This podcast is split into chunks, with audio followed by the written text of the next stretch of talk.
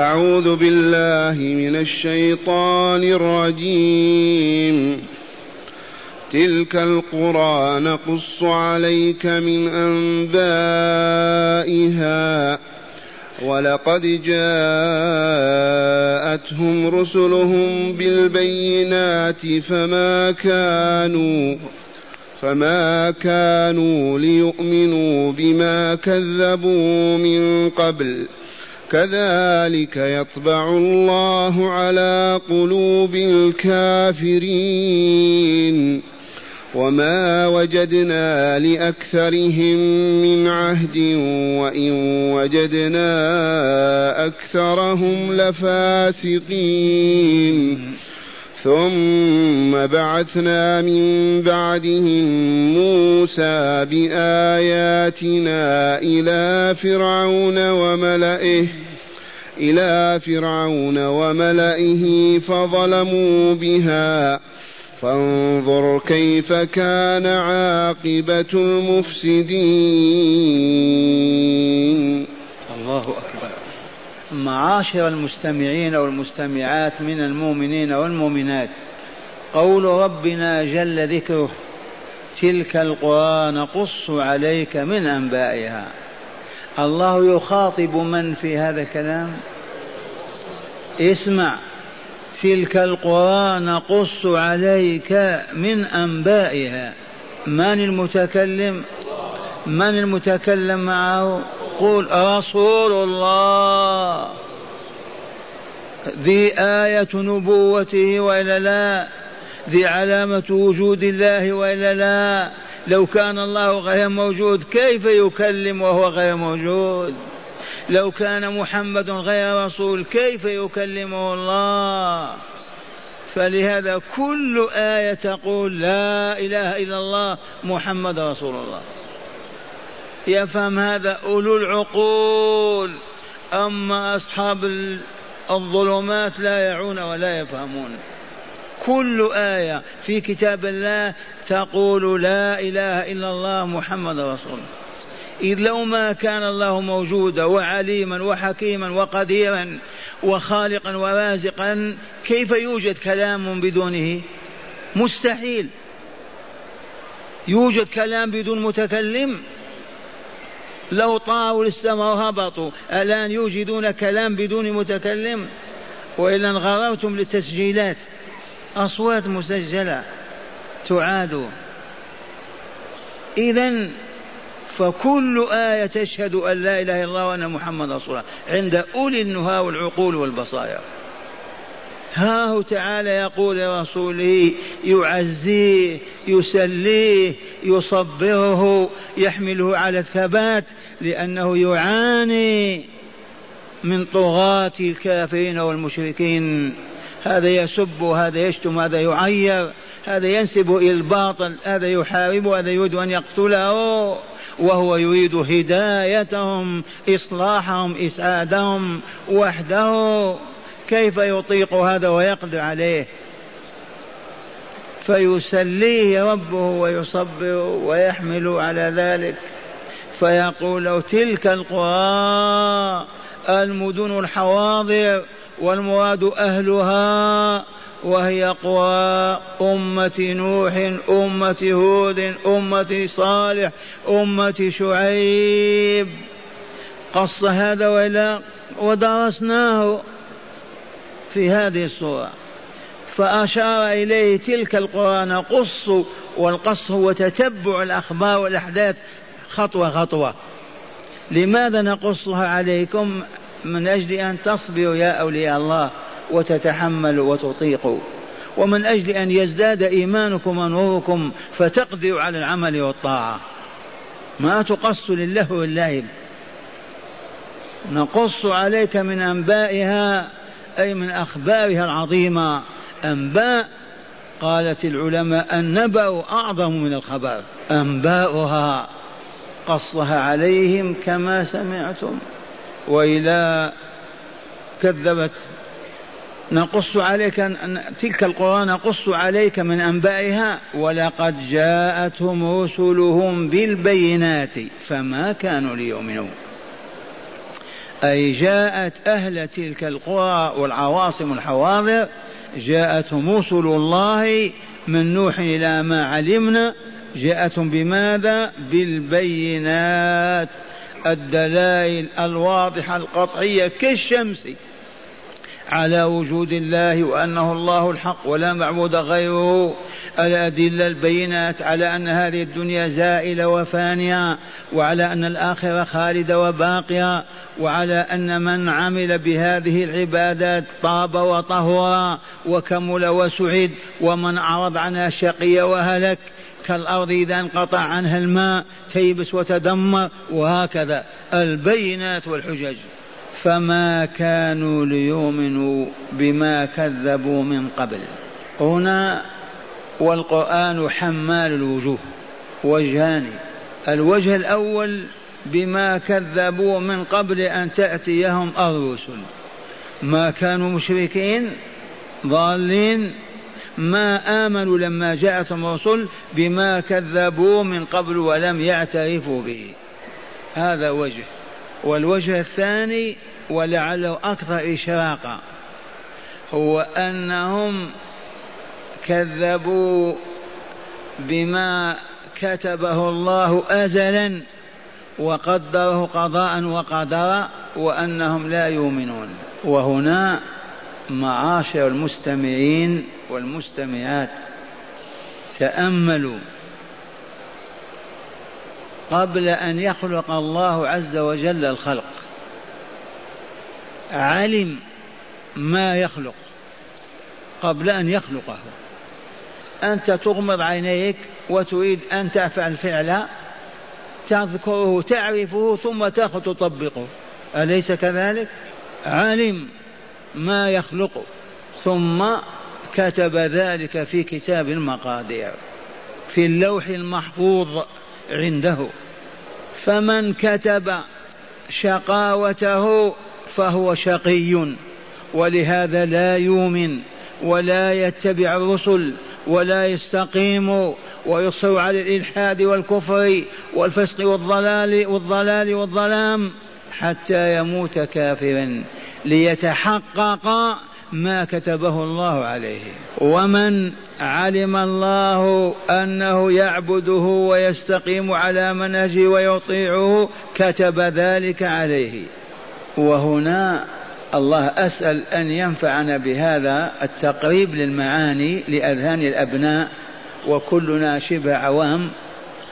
فنقول لما مسح الله ظهر آدم واستخرج ذريته عرف الذي يطيع من الذي ما يطيع. انتبهت فكتب للمطيع أنه سيعمل كذا وكذا ليدخل دار السلام. والذي عرف أنه ما يطيع يحارب الدعوة ويقف في وجهها كتب عليه الشقاء. مثاله الفلاح عندنا. يحمل البذر في كفه. كذا ولا لا بذر الحنظل وهو مر غاية المرارة. وبذر الحبحب أو البطيخ وهو حلو غاية الحلاوة. قبل أن يبذر في الأرض وقبل أن ينبت النبات نابت وقبل أن يوجد الحنظل وإلا الحبحب هو عالم بما يكون. كذا ولا لا فالله عز وجل لما خلق الأرواح وأوجدها نظر إليها فعرف من هي التي تقبل عليه وتقبله وتعبده والتي ترفض وتنكر كما عرفنا في الحنظل والحبحب وكتب حينئذ الشقاوة والسعادة. وهذا النظام لا يقدر عليه إلا الله. ولهذا يقف الرسول في أمة ألف سنة إلا خمسين عاما ولم يؤمن به ولم يتابعه ولم يمشي وراءه سوى نيف وثمانين نسمة. هذا نوح عليه السلام. والله ألف سنة إلا خمسين عاما. وهم يسخرون ويستهزئون ويضحكون ويعبثون ويضربونه والآيات كالشمس تلوح ومع هذا ما آمنوا لا أسلموا لأنهم هكذا فطروا. قولوا آمنا بالله. إذا فما كانوا ليؤمنوا بما كذبوا من قبل. الوجه الثاني لما كتب في كتاب المقادير كتب أنهم لا يؤمنون. علم أنهم لا يؤمنون. فكتب الشقاء عليهم. فلهذا يصرخ النبي يصيع كذا الأدلة البراهين الحجج من أراد الله سعادته وكتبها أزلا يقبل على ذلك ويحب ويرغب. كذا ولا لا؟ ويهرب من بلاد الكفر كما هرب فلان وفلان المدينة لأن الله كتب سعادته. والآخر كعم الرسول الذي كان يحدب عليه ويعطف عليه ويحميه من ظلم الظالمين في مكة أبو طالب مات كافرا إلى جهنم. ومن عجيب ما صح أنه لما مرض مرضه الذي مات فيه زاره النبي صلى الله عليه وسلم سنة عشر هذه من الوحي. وجد حوله أبا جهل وفلان وفلان يزورونه أخاهم في عقيدتهم. فكان النبي صلى الله عليه وسلم يقول لأبي طالب قل كلمة لأبي طالب قل كلمة أحاج لك بها عند الله. قل كلمة أحاج لك بها عند الله. أي أطالب بحقك بها. ما هذه الكلمة؟ لا إله إلا الله. قل لا إله إلا الله. هذه حسنة عظيمة. إذا قالها العبد في صدق تبدد كل الذنوب والآثام. تفجر تلك الجبال من الذنوب والمعاصي. قل لا إله إلا الله. فيريد أن يقول فيقول أبو جهل آه, آه أترغب عن ملة عبد المطلب؟ آه أترغب عن ملة عبد المطلب؟ فقال هو على ملة عبد المطلب وفاضت روحه. فأخبر النبي صلى الله عليه وسلم أنه رآه في النار في ضحضاح من النار إلى كعبيه فقط يغلي منه دماغه. إذا هذا العلم ماذا يفيدنا؟ لا تركب راسك ويقول لك أبو مرة ما دامت القضية هكذا يا نمشي للمقهى نلعب ما نصلي الليل ولا نشهد. إياك وهذه فتنته. الواجب هو المنطقي العقلي الشرعي إذا عرفنا هذه الحقيقة هو أن نطرح بين يدي ربنا نبكي الليل والنهار. تبهتم ويدل ذلك على أننا سعداء أزلاء. أما أن نقول ما دامت القضية مفروغ منها هيا نمشي إلى المقاهي والمعاصي والجرائم. هذا يقول عاقل هذا؟ ما دام الجبار الحكيم العليم قد قضى عنك ولك أزلا يجب أن تطرح بين يديه تبكي طول حياتك أن ينقذك وأن ينجيك. هذا معنى قوله تعالى تلك القرى نقص عليك من أنبائها ولقد جاءتهم رسلهم بالبينات فما كانوا ليؤمنوا بما كذبوا من قبل. ثم قال تعالى كذلك يطبع الله على قلوب الكافرين. الطبع الختم كذا هكذا يطبع الله على قلوب الكافرين. من هم الكافرون والكافرات؟ الذين ما آمنوا بتوحيد الله ولا آمنوا برسول الله ولا آمنوا بلقاء الله. الكافرون المكذبون الجاحدون المنكرون لتوحيد الله. أما لوجود الله كما أنتم لا يوجد على البشرية على سطح الأرض من ينكر وجود الله. إلا من عبثت بهم يد اليهود. هذا القول قلناه قديما وإلا ما الشيوعية لا إله والحياة مادة يضحكون على أنفسهم. لا إله والحياة مادة. من أوجدك أنت؟ من أوجد طعامك وشرابك؟ من أوجد لك أمك وأباك؟ وتقول لا إله. ومسخهم الله. والحمد لله انكشفت عورتهم وتحطمت الشيوعية وقبلها الاشتراكية التي كنا نعاني من جرائها. والحمد لله انتصرنا. نسمع أصوات يقولون اشتراكيتنا نوالي من يواليها ونعادي من يعاديها. ذهبت وإلى ما ذهبت؟ أقل من نصف قرن. والشيوعية وذاك التبجح لا إله أين هم؟ انهاروا. فأوجد لهم بنو عمنا أيضا فكرة العلمانية. أي كل شيء للعلم. ثبات كل شيء يعود إلى العلم. هي كلمة حق ولكن يراد بها الباطل. ثبات؟ هي كلمة حق لا بد من العلم. كل شيء متوقف على العلم. لا تربح ولا تنجح ولا تنصر إلا إذا علمت. أليس كذلك؟ لكن هم ما أرادوا هذا. أرادوا لا تقول الله ولا الدار الآخرة ولا كتاب الله ولا العلم هو الذي يحقق هذا. من صنع منين هذا؟ والله من صنع بني عمنا اليهود عليهم لعين الله. وهم يعلمون كلام هذا ويسجلونه أيضا. من سنين ما هم غافلون ولا ميتون. يعملون الليل والنهار. لكن فضحهم الله عز وجل. وما بقي شيء بعد الآن إلا أن نعود إلى الإسلام فقط.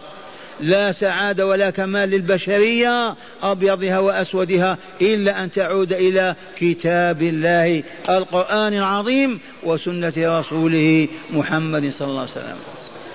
وإن شئتم حلفت لكم. بالله الذي لا إله غيره.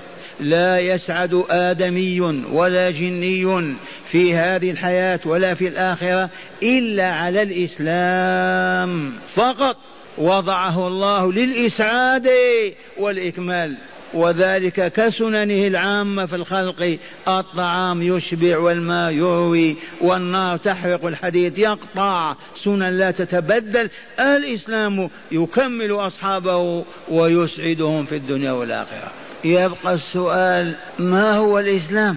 يجب أن يسألوا عنه وأن يعرفوا ما يقول هيا نسلم تسلم كيف؟ أولا الإسلام أن تسلم قلبك ووجهك لله. أن تعطي. أسلم النقود أعطاها ولا لا؟ ومن السلم.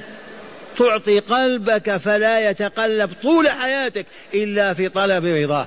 ووجهك فلا تقبل أبدا في صدق إلا على الله. وبعد ذلك تبحث ماذا يحب ربي وما الذي يكره ربي؟ فتجد في الإسلام أنواع محابه تعالى من كلمة لا إله إلا الله إلى إماطة الأذى من الطريق.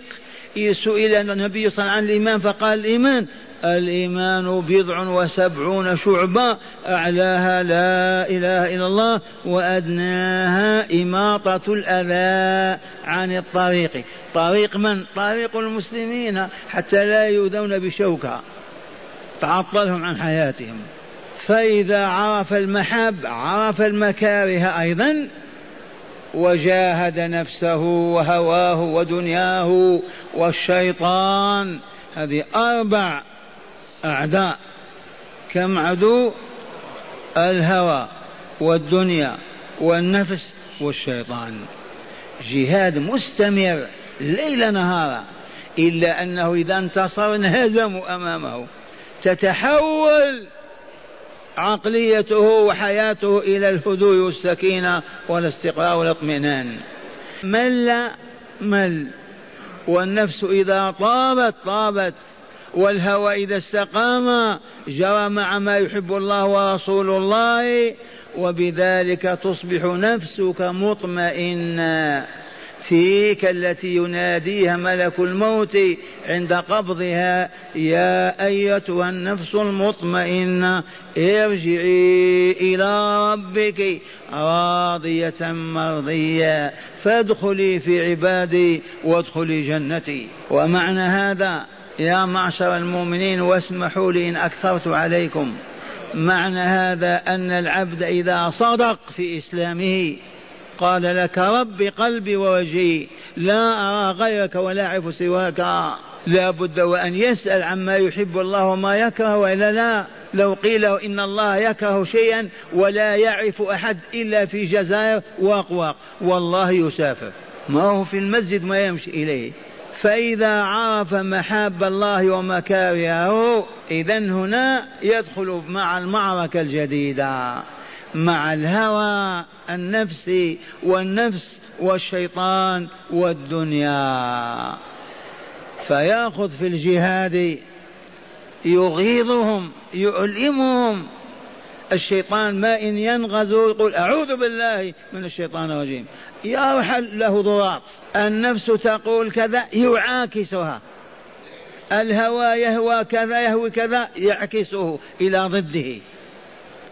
عام عامين أشهر أيام سنين يستقيم. واقرأوا قول الله تعالى وما أبرئ نفسي لماذا يا يوسف الصديق. لماذا؟ قال إن النفس لأمارة بالسوء. صدق يوسف وإلا لا.